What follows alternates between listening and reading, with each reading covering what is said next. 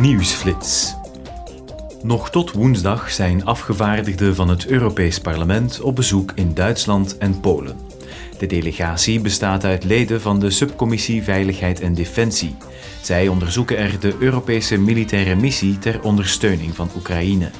Die missie ging in november vorig jaar van start en moet twee jaar duren. Het doel ervan is de Oekraïnse strijdkrachten te helpen hun land te verdedigen. De Euro-Latijns-Amerikaanse parlementaire vergadering, ook wel Eurolat genoemd, komt vandaag samen in Madrid.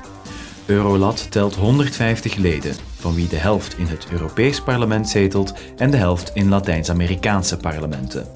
Tijdens de vergadering van vandaag zullen zij het hebben over de recente ontmoeting tussen Europese, Latijns-Amerikaanse en Caribische staten in Brussel en de resultaten van die ontmoeting.